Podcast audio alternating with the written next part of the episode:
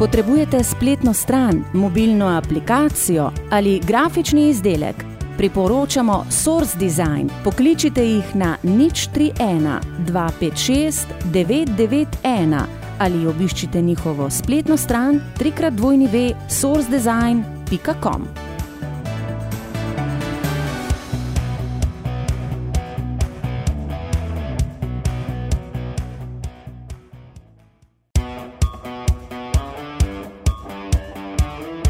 Poslušate oddajo Golout, slovenska podcast oddaja o slovenskem, tujem in ženskem nogometu.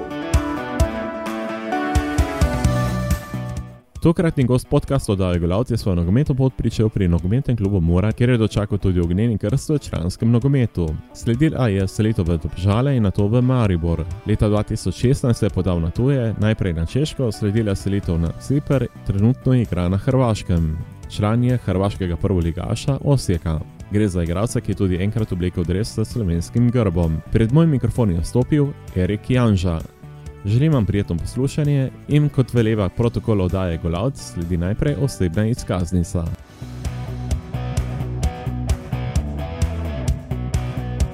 Imate kakšno vprašanje ali nam želite podati kakšno mnenje? Pišite nam na info.afna.golout.com ali pa preko družabnih omrežij, kjer nas najdete pod imenom podcast Golout.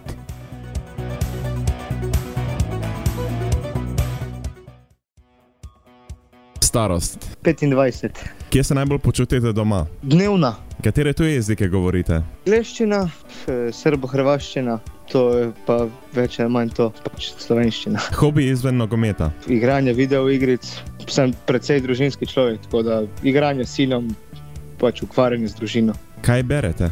Puh, ne berem ravno dosti, ampak če že, pa kako biografijo kakega športnika. Kaj gledate? Pa rad pogledam kak dober film po resnični zgodbi, predvsem ali pa kako dobro komedijo. Česa se bojite? Bojim se, ne vem, kakšne bolezni ali pa hujše poškodbe. Koliko ste aktiven na družabnih omrežjih? Sem kar aktiven, ampak nisem zdaj, da bi bil obseden, ampak tako, sem kar aktiven. Kdo je po vašem mnenju najboljši nogometaš vseh časov? Messi, definitivno. Kdo je po vašem mnenju trenutno najboljši nogometaš na svetu, če izuzamemo Kristjana Ronalda in pa Lionela Messija? Mogoče v zadnjem času Eden Hazard bi rekel. Kdo je najboljši svoj igralec, s katerim ste igrali? Težko vprašanje. ne vem, mogoče takrat, ko sem bil pri Mariboru, je bil Ibrahim v dobri formi res. In pa sedaj na Češkem je bilo recimo par dobrih igralcev, Peter Žela, od, ki so igrali Bundesligi, Hubnik, Limberski, tako da je nekaj. Kaj pa najboljši nasprotnik? Najboljši nasprotnik, mislim, da je bil Lacijo, ko smo igrali z Muro, playoff za Ligo Evropa, Lacijo takrat imel zelo dobro ekipo. Katera tekma vam je najbolj ostala v spominu? Ja, najbolj mi je ostala v spominu tekma za playoff Liga Evropa z Mariborom proti Gabali, ko smo doma igrali 1-1, kar je bilo premalo za uvrstitev, vendar mislim, da tisto tekmo smo igrali res dobro. Cel Maribor je dihal z nami in pa tudi po moji zadnji zgrešeni priložnosti se spomnim, to mi bo zavedno ostalo v spominu. Katera lovorika oziroma nagrada, ki ste jo osvojili, vam največ pomeni? Nagrada, ne vem, največ mi pomeni usvojitev slovenskega državnega in pokalnega prvenstva. Kakšna mora biti tekma, da po njej rečete, da je bila res odlična tekma? Pa mora biti taktično dovršena in tehnično. Za kateri klub navijate in zakaj? Za Barcelono, pa ne vem, že prej zaradi Ronaldinja, mogoče zdaj mogoče zaradi Messija, ampak nasplošno rad gledam tehnični nogomet. Po komu se zgledujete, če izuzamemo nogomet? Nimam prav nobenega posebnega človeka, da bi se zgledoval, ampak pač spontano grem skozi življenje. Kaj pa v nogometnem smislu? Pa tudi ne. Moram reči, da nimam prav posebnih vem, svojih igralcev, po katerih bi se zgledoval. Mogoče, če gledam po poziciji, mi se mi najbolj dopade Marcelo iz Real Madrida. Imate kakšen življenjski moto? Vedno daj vse od sebe, kaj ti nekdo od zgoraj vidi, če daš ti maksimum, se ti bo vrnilo. Še zadnje vprašanje osebne izkaznice je: imate priložnost povabiti bilo katero osebo na večerjo, oziroma z njo deliti liter vina. Za katero osebo bi se odločil in zakaj?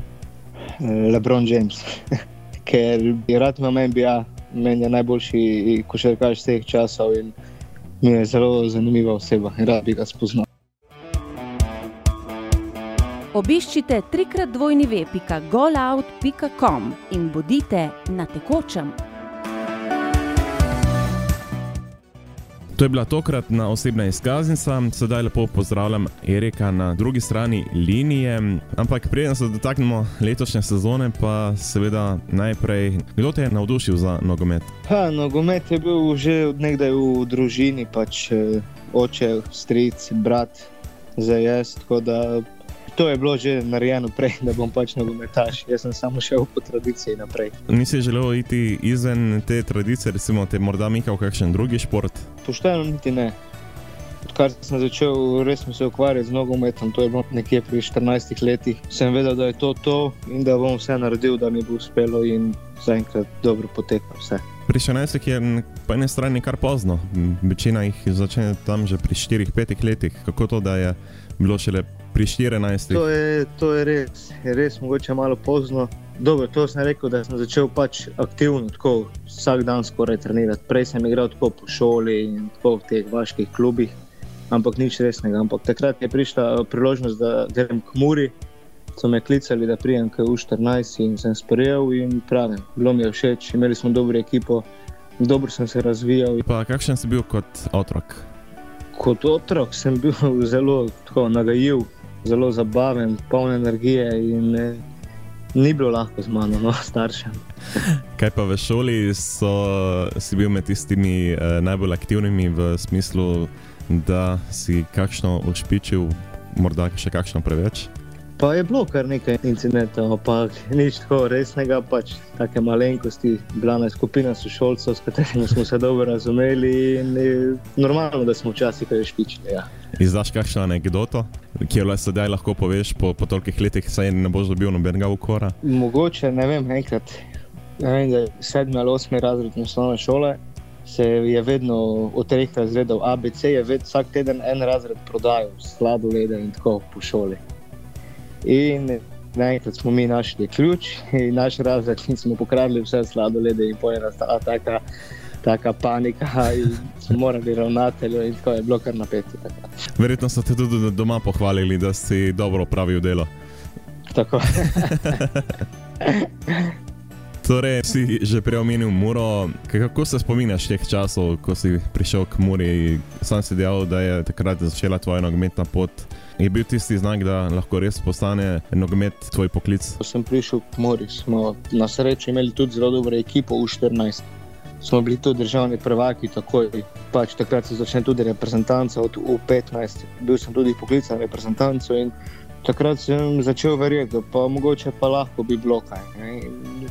Nič, jaz sem samo šel iz treninga v trening, tako kot še danes. Pač jaz ne grem z nobenimi pričakovanji, jaz sem realen dajem svoj maksimum in e, če se bo poklopilo, se bo, zdaj pa nekih pritiskov si pa ne dajem. No.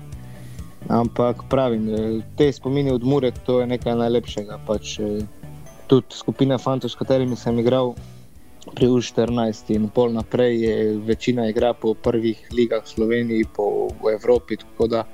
Res, res smo imeli dobro generacijo. No. Lahko našeješ kakšnega igralca? Recimo Lotrič, Celje, Pučko, ki je zdaj odšel na Polsko, Kaus je zdaj pri Muri, prej bil domžale. Eh, Kauter igra spet prvo ligo z Muro, Kurbus je bil prej v Španiji. Tako da je kar dosti. No. Je. Mogoče sem še koga pozabil, ampak je dosti. Ja. E, sicer pa kako se spominjaš iz prehoda iz mladinskega v članski nogomet? Moram reči, da smo mi, pri, mi fanti, takrat pri Muri za 17 in 18 leti imeli kar veliko srečo kajti Mura je takrat bila v zelo slabem finančnem stanju in smo dobili priložnost, mi, mladi fanti, za dokazovanje najprej v drugi ligi, pol eh, na srečo v prvi ligi. Tako da moram reči, da za nas ni bilo mogoče tako težko nekako priti v ekipo in igrati prvo ligo, kajti smo bili praktično edina možnost, katero bi je Mura lahko šla igrati prvo ligo. In hvala Bogu, smo jo večina fantov nas je to dobro izkoristilo in smo šli naprej, ker je Mura žal takrat je bila v takem stanju, kot je bila in smo bili prisiljeni iskati nove rešitve. Že v osebni izkaznici si omenjal Lacijo, je to bila pika ni, nekako tiste zgodbe pri Muri? Ja, tisto je bilo nekaj neverjetnega. E, lahko rečem, recimo, evo, da takrat se nam je vse vrnilo pozitivno, kar je bilo v tistem letu slabega, ne? glede denarja in to organizacije, kakorkoli. Recimo, če, ne, če se spomnite, mogoče v tretjem predkolu smo igrali proti Arsenalu Kijevu, izgubili prvo tekmo 3-0. Ampak oni so imeli enega igralca registriranega, ki ne bi smel igrati, in smo dobili tekmo za zeleno mizo 3-0 na to izgubili povratno tekmo z 2-0, tako da praktično izgubili smo skupno seštevko 5-0 in šli v playoff za Evropsko ligo. Ne. Vse, kar je bilo slabega, je se na koncu tu pokazalo tudi za srečo ali pa dobro, nekaj, ker smo se lahko dokazali tudi na mednarodnem prizorišču. Ne. Potem je sledila selitev v Domžale, kako je prišel do prestopa, sicer kot si samo meni, mora takrat je dihala na škrge, bomo rekli. Ja, tako je, pač ni bilo več druge rešitve, moral sem iskati neko rešitev. Ne vem, bilo je nekaj zanimanja tudi iz, takrat iz Mačarske, iz Džera, ampak takrat so tudi poklicali domžale in zelo všeč mi je bil ta njihov pristop in eh, kako, kakšen plan so imeli naprej. Tako da je trdim, da sem se pravilno odločil in eh, sploh mi ni žal niti malo, da sem bil v domžalah, ker tam sem pod, predvsem pod eh, taktirko Luka Elznerja, sem napredoval ogromno v taktičnem smislu. Tako da sem vesel, da sem se tako odločil. No. Poleg žera, kot si omenil, je bila že takrat želja iti vseeno na to, ali si, si dal nekako cilj, mogoče pa je bolje, da še ostanem še kakšno leto v. Sloveniji in potem poiščem bolj primeren klub? Mislim, da je bilo še malenkost pol leta prej ali pa nekaj je prišla na ponudba iz Nemčije. Eh, mislim, da Kajzer Slauten je bil, ampak enostavno sem bil še premlad, nisem bil še v glavi dovolj zrel, da bi šel na tuje sam. Eh, realno bilo me je strah, da, vem, da bi šel s 17-18 leti nekam sam. Nisem bil pripravljen, tako da sem se odločil, da grem korak po koraku, da najprej postanem v Sloveniji, malce bliže domu in da pravim tukaj. In pravim, e, jaz sem vesel in hvala Bogu, da sem se tako odločil, kot sem se. Tako na splošno vprašanje. Sedaj pogosto so gostje prejšnjih oddaj, bom tako rekel, ki so šli zelo zgodaj, kot 15-16 letniki v tujino. Sam si, si rekel, da pač si ostal prav zaradi tega, da bi si pridobil malo več izkušenj, oziroma da si bil bliže domu. Kakšno je tvoje mnenje, kdaj ne bi igralec odšel v tujino? Recimo, je res nekako primerno, da grejo 16-letni stari fanti v tujino? To je čisto odvisno od posameznika. Recimo, vem, kot sem jaz rekel, da me je bilo mogoče strah, kako bi se znašel sam. Prvič nekje v doma, v drugi državi, drug jezik, kakorkoli. E, moja glava, moje razmišljanje enostavno ni bilo doraslo temu. Nisem se počutil primernega, nisem se počutil pravega, še, da bi šel v Slovenijo. Mogoče en drug fant eh, pri 15 je zrel z glavo, da gre lahko nekam živeti sam svoje življenje, drugo okolje. Ampak pravim, jaz nisem bil in to je čisto odvisno od posameznika. Eno pod vprašanje si imel takrat kakšnega agenta, oziroma je kdo bedel nad teboj?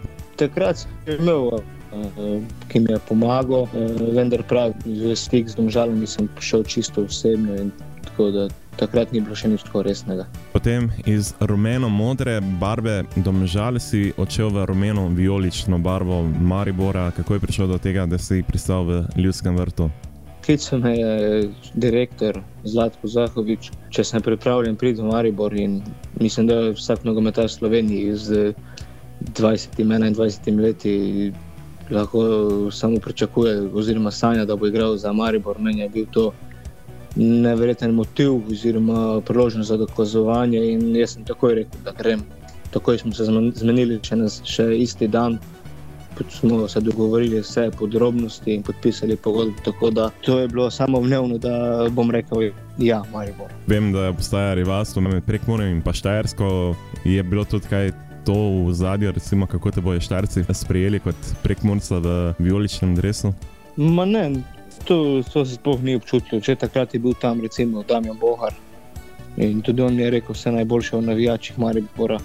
In tudi moram reči, da tudi sobočani, oziroma prekmorci, ne bo igrajo po svojih, ker igrajo. Pač niso taki ljudje, so ponosni, koliko vidim. Ni bilo nobenih težav s tem, da bi zdaj pač kao prekmorec na Štajerske in tako. Ni bilo nič takega. Kako ocenjuješ ta čas v Mariboru, najuspešnejše sezone v tvoji karieri, dva naslova, pa tudi pokalna Lovorika je padla takrat? Ja, to je res. Čeprav moram priznati, da je bila prva sezona kar težka. No? E, enostavno nisem dobil oziroma izboril priložnosti v prvi postavi. Dobil sem le mogoče kakih deset tekem na sezono, s čim nisem bil seveda zadovoljen in moram reči, da sem bil že kar malce tako psihično na dnu.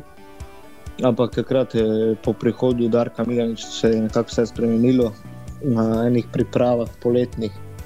Je rekel, da pač startamo vsi z nule in kdo se bo najbolj dokazal, bo pač igral. In res je bilo tako. Jaz sem takrat iste priprave v delu zelo dobro, pripravljalne tekme odigral maksimalno, vse mi je šlo kot mora in res mi je trener Milanič dal priložnost in od, tist, od takrat naprej je samo šlo vse na vzgor in drugi del uh, zgodbe v Mariboru je bil v enem še do, do zdaj v, v karieri. No, tako splošno vprašanje, recimo, kako je igralcu, recimo, ki je del ekipe, ampak ne igra redno, oziroma tudi strani mogoče trenerja ne dobi pravega odgovora, zakaj ne igra. Kako se igralci v takem trenutku znajdete? Imate v mislih, pač bom treniral, če bom dobil priložnost, pač se zagrabim, ali je to predvsej psihično? Tako, tako ja. Sej, to, je, to je največji problem. Pač Prijaš ponedeljek na trening, treniraš maksimalno do sobote, oziroma petka, in pol prija tekma, in te pač ni zraven. Ne? In če tako se vrti, pač ne vem, dva, tri, štiri, pet mesecev, normalno, da si razočaran, da si ne vem da si malo v glavi pač žalosten. Tu, tu je povsem različno od človeka do človeka. Jaz sem pač ta karakter, da vedno, čeprav sem razočaran, tudi naslednji dan bom vstal in bom dal maksimum in se ponovno poskušal dokazati. Da si, da si vendarle zaslužen, da sem jaz številka ena, hočem biti številka ena na tej poziciji. In, Ampak pravim, ne, nekateri drugi bo pa spet razočaran, ne bo hotel trenirati, ne bo, ne bo hotel delati tega, onega in bo pač rekel, naj gre vse nekam. Pač, ne. Ampak eh, pravim, odvisno od človeka, jaz sem borec po naravi in ne, pridejo tako v karieri, sponi in paci. In ko prije padec, pač moraš še dvakrat več delati, da se pobereš in da priješ močnejši ven. Koliko pa je to odvisno, da je tudi trener, ko so odgovoren, da po eni strani pove vsakemu igralcu, ja, na te računam, na te ne računam, oziroma pač že v samem štartu nekako, da si pripravljen na to stvar, ampak ne potem skozi sezono dobiš ta občutek, ja, vedno sem izven kadra, čeprav na treningu pa dajem 110%. Po mojem mnenju je tako, če pač ti daš maksimum in če res trener vidi pač željo, željo da hočeš. In ni variante, da ne boš dobil priložnosti, ampak potem je spet druga zgodba, kako je šel izkoristiti na tekmi. Ne? Ampak pravim, eh, po mojem mnenju je boljše, če trener vem, pokliče igralce do sebe, gledaj, na te računam, na te ne računam, boljše je, če greš na posojo ali karkoli drugega, da vsaj veš, kje si in če v tem danem trenutku na tebe pač ne računa, poiščeš za pol leta ali pa eno leto neko rešitev in eh, probaš voditi nekam, kjer boš dobil minutažo, kjer ker se boš lahko dokazal in eh, ko se vrneš, da si spet pripravljen. Ne. Že prej v osebni izkaznici si nekako omenil Gabalo in te evropske tekme. Kako je bilo igrati te tekme v Dresu Maribora? Verjetno to je spet še en dodaten nivo, da se lahko pokažeš oziroma pomiriš z boljšimi ekipami. To je bilo fantastično, to, je bilo, to so najlepši spomini do zdaj v moji karieri. Res. Vsako evropsko tekmo, poln stadion, potovanja, hoteli, nasprotne dob, ekipe, dobre, polni stadion, vse posod.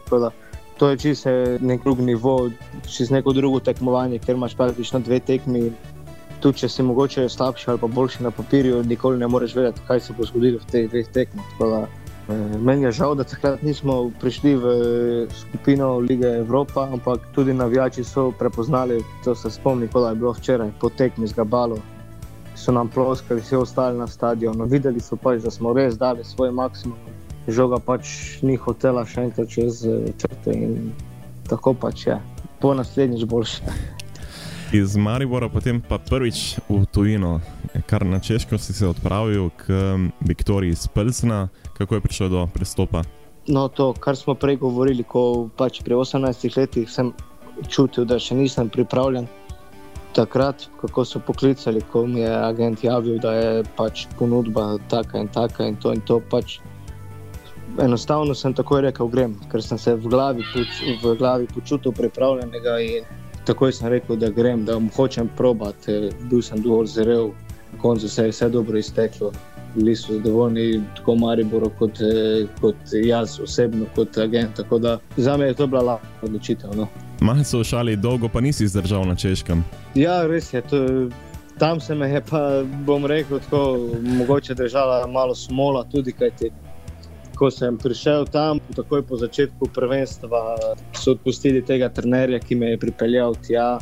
Vrnil se je en trener, ki je bil že prej tam trener in poznal vse fante. Enostavno me pač ni videl v njihovem sistemu. Ne. Tako da sem bil primoran si poiskati neko rešitev. Takrat sem se prvič odpravil na posojo na Cipr in eh, sedaj poleti smo se uspeli dogovoriti za preknitev pogodbe in mislim, da je tako najboljše bilo za obe strani. Če malce se dotaknemo lanske sezone, se pravi Pafos, eh, bil si svoj igralec, eh, kar nekaj slovencev, pa tudi slovenski trener je bil na začetku sezone Luka Elsner. Kako bi ocenil to ja. sezono v drevesu Pafosa? Moram reči, da sem lahko zelo vesel in zadovoljen, da sem se odločil tako, kot sem se. Kajti, pač eh, Luka Elžir je bil tam trener, on me je osebno klical, eh, rekel je, da rabi levega bočnega igralca. Jaz sem vedel, da bom igral več ali manj 90%. Jaz sem zelo vesel, da sem prišel na Cipr, da sem odigral eno celo sezono v dokaj, dokaj močni ligi, čeprav mogoče je malo tako, noben je ne spremlja, ni dostopna na televizijah in internetu, ampak Malo eksotično bomo rekli. Ne? Tako, tako, ampak moram reči, da je liga zelo kvalitetna. Imáš dosti teh Brazilcev, Portugalcev in tako. Tako da za me je bilo zelo dobra odločitev, da sem sprejel Papus in da sem res odigral eno zelo solidno sezono. No. Verjetno si se počutil kar kot doma, kajti takrat v tistem obdobju je bilo kar nekaj slovencev, poleg tebe pa kot prijatelja je bilo še nekaj slovencev v kadru. Slačilnica je bila slovenska, Govor, govorili so po slovensko. Ne, je bilo zelo lepo. Pač. E, normalno je, da če nas je toliko, da se družimo, da smo pač prijatelji, slišimo se tudi še zdaj. Tako da res, Cipr, sami lepi spomini. Po sezoni si nekako prekinil z Vikitorijo in sedaj si v Osiku, pri tamkajšnjem hrvaškem prvoligašu. Kako je prišel do sodelovanja s tem klubom? Preko agenta sem izvedel, da Osek namerava prodati levega beka, da iščejo alternativo. Najprej sem bil malce mogoče skeptičen, kaj pa če ga ne bodo prodali, karkoli bi se lahko zgodilo. Na koncu je, hvala Bogu, vse dobro išlo, prodali so levega beka, pripeljali so mene. Rabil sem sedaj nekaj časa, da sem prišel nazaj v tekmovalni ritem lahko rečem, da sem sedaj dobro pripravljen in sem zelo, pač, zelo sem zadovoljen, da sem v Osijeku, kajti klub je zelo resen, zelo organiziran. Na zelo, zelo visokem nivoju, in tudi Liga Hrvaška je precej, precej močna in precej gledljiva. Tako da mislim, da če mi bo uspelo narediti par dobrih sezon, oziroma kakšno dobro sezono tu, da bo da bo vse ok. No. Kot si samo menil, dober začetek v prvenstvu, trenutno ste na drugem mestu, ampak mene pa bolj zanima, kakšen je Zoran Zekič kot trener. Kakšen nogomet si želi, da bi njegova ekipa igrala? Je, je zelo, tako bom rekel, strok pod narekovaji. Ampak je, hoče zelo, zelo dinamičen, kako naj rečem, hoče pressing, hoče, hoče da poka ni nekaj lagano, ampak hoče res. Eh, hoče maksimum izleči iz vseh igralcev. Tako da meni, meni je zelo všeč no, način, na katerega igramo. Že nekaj si omenil, da je močna liga. Če primerjaš, oziroma tako reko, večna dilema, Hrvaško, slovensko prvenstvo, sedaj imaš sicer nekaj izkušenj iz slovenske lige, pa tudi iz Hrvaške. Če bi primerjali obe ligi. Ja, bom rekel tako, ne vem, mogoče. Maribor, Olimpija, Domžale. To je to, drugače pa mislim, da če gledamo celoto, je Hrvaška liga kar močnejša. No, imaš kar nekaj dobrih klubov, zdaj Dinamo, Rijeka, pač Osijek, so Hajduk, so prvi tri, štiri, čeprav Hajduk je v zadnjem času zelo slabem stanju. Ampak kakorkoli, hajduk je hajduk in vedno bo. Ampak tudi ostale ekipe spodaj igrajo, pač poskušajo igrati dober, privlačen nogomet. Tako da mislim, da je celoti gledano Hrvaška liga močnejša. Kar se pa tiče, pač pravim, Olimpija, Maribor, Domžale in tu, ne vem, Osijek, Hajduk, Dinamo, da pa bi bilo kar zanimivo no, za, za videti. Če tako vprašam, kako se pa finančno razlikuje, so tudi na tem področju tam, tam ali so tudi na tem področju pred slovenskimi klubi? Kot pravim, celoti gledano, da je Hrvaška malo naprej pred nami. Čeprav vemo v Sloveniji, kdo, kdo največ lahko da in kdo ne, ampak celoti gledano je Hrvaška liga tudi v tem, po mojem, en, en level naprej. Čeprav imaš tudi tu ekipe, ki pač poskušajo z lastno nogometno šolo proizvajati igralce in jim dajo priložnost v prvi ligi igrati, ampak pravim, mislim, da so finančno tudi nogometu močnejši. Ampak ker tudi normalno, ker na Hrvaškem praktično je futbal je vse. Še posebej po svetovnem prvenstvu, ko so sedaj trenutno Ja. pod prvaki sveta. Tako, tako to je zelo spremenilo tudi njihovo, bom rekel, mentaliteto. Vedno so se šopirili, da so pa bojo, pa ne vem kaj, ampak zdaj pa so dejansko to naredili in to jim dalo tak, še dodatno samozavest, da je to neverjetno in res. eh, Meni je bilo prav lepo gledati eh, to svetovno prvenstvo in tudi te ljudi, ki so tako ponosno hodili po, po mestu. Malce v šali spet, eh, bomo rekel tako, koliko ponosno so pa hodili po tekmi Španije v Ligi narodov. Ja, ni bilo, ni bilo niti, niti v Fračilnici, ni bilo nobenega pogovora na to temo. Da, mislim, da je to bilo pa prošlo. Kakšni so cilji letošnje sezone Ostika? Ja, cilj je pač izboriti si evropsko tekmovanje in eh, priti mogoče kako mesto više, da ne bi bili zdaj že drugo, tretje leto zapored četrti, ampak mogoče napadati to drugo, tretje mesto. Mogoče za prvo mesto bo še težko, ker vsi vemo, kar, kaj Dinamo pomeni na Hrvaškem, ampak eh, mislim, da imamo dobro ekipo in dober strokovni štab in tudi pač eh, ljudje v klubu se trudijo, so dosti investirali v okrepitve, v nove igralce, tako da mm, mislim, da smo vsak dan boljši in da, da bi lahko mešali štrene pri vrhu. no. Kako je igrati na gradskem vrtu, če ga primerjaš recimo z ljudskim vrtom? Uje, je kar podobno, tako bom rekel. So ljudje, živijo za nogomet, isto kot Maribor, in so v tekmi, bom rekel. No, kakšna napaka, so živižgi, znajo pohvaliti. Tako je, je kar podobno. No. Moram reči, da zaenkrat še vedno v Mariboru mogoče bolj pridejo na tekmo več ljudi. Moram reči to tudi, da v Osijeku se dela trenutno nov stadion, ki naj bi bil dokončan 2020. In mislim, da bo to velika izkočna deska tudi za cel klub, kot klub, eh, ki bo dobil res fantastičen objekt. In mislim, da bo tudi s tem stadionom in pomožnimi igrišči samo še napredoval in da bo zrasel v zelo, zelo gledan evropski klub.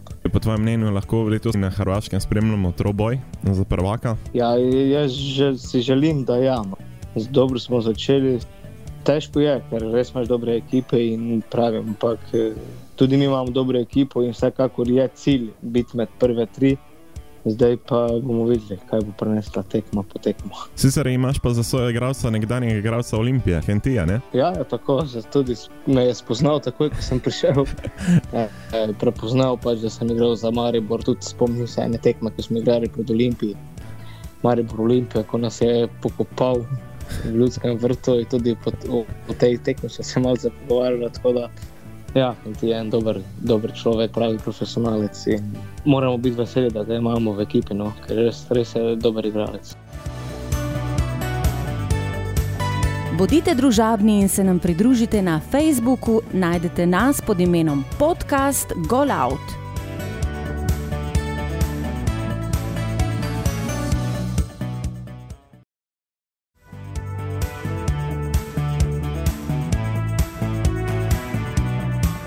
Potrebujete spletno stran, mobilno aplikacijo ali grafični izdelek?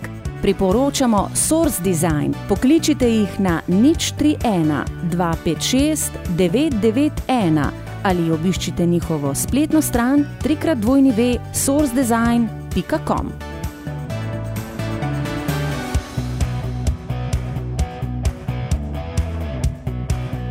Če gremo malce naprej, tudi v reprezentanci si nekako bil zraven bolj v mladi kot članski, prav trenutni selektor te je poklical v mlado reprezentanco. Verjetno je tudi želja postati reden član slovenske članske izbrane vrste. Tako je, pač pri 21 sem kar veliko igral pod trenutnim selektorjem male reprezentance in uh, Bil sem tudi zdaj, ko je bila tekma s Črnogoro zraven, pač nisem imel priložnosti za igro, ampak jaz sem nekako. Na širšem seznamu bomo rekli. Tako, tako sem bil v stiku z selektorjem, tudi me je poklical, zdaj kakšna je situacija, kje sem, kaj sem. In, tako da mislim, da se je to kar spremljalo, zdaj pa je vse na meni, pač, da dobro igram, da dobro delam in če bo vse šlo tako, kot mora, normalno da upam in želim, da bom, da bom zraven še kdaj. Kakšen je tvoj komentar na te prve dve tekmi v Ligi narodov? Težko je, neko ti ne gre. Zdaj, ne moramo reči, da fanti se ne borijo, da ne dajo maksimum, ampak enostavno treba je dati čas v čas. Bom rekel, tudi selektor je komaj da prišel in težko je tako čez noč nekaj spremeniti. Praktično priješ na zbor, imaš dva, tri treninge in greš na tekmo. Jaz verjamem, da je težko, ampak moramo zdaj stisniti, moramo se zresti, bom rekel, in pokazati, kdo smo, kaj smo. Ker vseeno mislim, da imamo zelo, zelo dobro reprezentanco, igralce, ki igrajo po odličnih klubih v Evropi. Tako da mislim, da to ni limit, mislim, da lahko dosegamo dosti boljše rezultate, kot trenutno kažemo. No. Je morda po tvojem mnenju slovenske javnosti prehitro, prezahtevno, da ne pusti ekipi dihati? Ma, to je vse posod tako, zdaj javnost. Eh, normalno je, da se pričakujejo samo zmage, sploh proti Cipru pa Bulgariji, vem, ki so na papirju mogoče slabši od nas. Ampak pravim, danes eh, vsak zna igrati nogomet in ne moreš kar tako iti v tekmo in reči, da bo zmagal če nisi pravi, če tudi mogoče malo sreča te ne spremlja, se lahko zgodi karkoli in točno to se je zgodilo sedaj na Cipru. No. Škoda je teh tekem, škoda je teh porazov dveh zadnjih, ampak ekipa je dobra in če se bo delalo tako, kot mora in dalo čas v čas, da imamo potencijalno. Če pogledamo malce v prihodnost, kakšne želje imaš za prihodnost? Kot sem že prej rekel, jaz nimam nekih ciljev, da, zdaj, da bi si zastavil cilj, zdaj pa hočem tam, pa tam, ali pa karkoli. Jaz grem samo z treninga v trening in tekme v tekmo in eh, igrati najboljše, kar lahko, trenirati najboljše, kar lahko. Če pa prije kakšna priložnost za odhod nekam v top klub, dober klub, pa hvala Bogu. Ne. Erik, eh, kako pa spremljaš domače prvenstvo, si na tekočem, kaj se dogaja? Ja, ja spremljam redno, pogledam vsaj eno tekmo v soboto in vsaj eno v nedeljo. Tako da večinoma gledam Muro in Maribor pač, in tudi tam žale. Ampak večina pravi Muro, ker tam tudi imam največ prijateljev trenutno. Tudi se slišimo dosti in vsak en čas, kako jim gre. To sem želel dodati, da verjetno se vesel, da se je Mura ponovno vrnila v prvo liko in kot kaže, bo ja. tudi lep čas ostala, če ne bo prišel spet do do kakšnih, bomo rekli, mahinacij v, v samem klubu? Pa ne, po mojem, da ne bo, no. ker tudi zdaj imam, pravi, imam dosti prijateljev tam in se slišimo redno. Vsi pravijo, da tako kot je zdaj urejeno, ni bilo še nikoli in da je vse na nivoju, tako kot mora biti. Mislim, da tudi to vodstvo, ki je sedaj pri Muri, ve, kako in kaj delajo pametno. Mislim, da ni nobene skrbi, mislim, da lahko samo še rastejo. Fazanarija se je ponovno vrnila v prvo ligo, verjetno na splošno prek Murci imate muro za svojo, manjkale v prvi ligi. Pa seveda, prek Murci ni nekih drugih športov, ni ne košarke, ne rokometa, ni nič praktično. Ljudje lahko grejo samo na nogomet. Zdaj imaš te tretje lige in četrte lige, ki so tudi nevrjetno dobro obiskane strani gledalcev. Zdaj, ko je prišla v Mura v prvo ligo, pa sploh hočejo priti, hočejo dati eh, podporo ekipi, hočejo videti, eh, ne vem, Maribor, Olimpijo, hočejo gledati dober nogomet. Tako da hvala Bogu, da se je to zgodilo. Kaj pa napoveduješ za samo sezono? Kdo bo na koncu ostal na prvem mestu, oziroma kdo bo osvojil naslov prvaka, po tvojem mnenju? Pa po mojem mnenju bo Maribor z lahkoto to sezono pometel z vsemi, vsem spoštovanjem do drugih, do Olimpije in vse, ampak ravno mislim, da so to leto pač premočni, tudi v Evropo se niso uvrstili, kar je mogoče škoda, ampak po drugi strani je tudi dobro za njih, ker ne bodo preobremenjeni in bodo fokusirani samo na prvenstvo in pokal. In mislim, da tudi že zdaj smo lahko videli v teh par kolih, da so maksimalno osredotočeni in dokaj z lahkoto prihajajo do zmag v prvenstvu za enkrat. Po tvojem mnenju ne bo tako kot v lanski sezoni, ko smo do konca čakali na prvaka? Po mojem, da ne. No, upam, da ne, ker ne vem za Marijo. Kaj bo pa rekli v Murski soboti? A dobro, mora je realna, mora, mora, mora biti cilj, to obstanek in pol, pol morajo počasi, tako bom jaz rekel. Počasi in vse bo ok.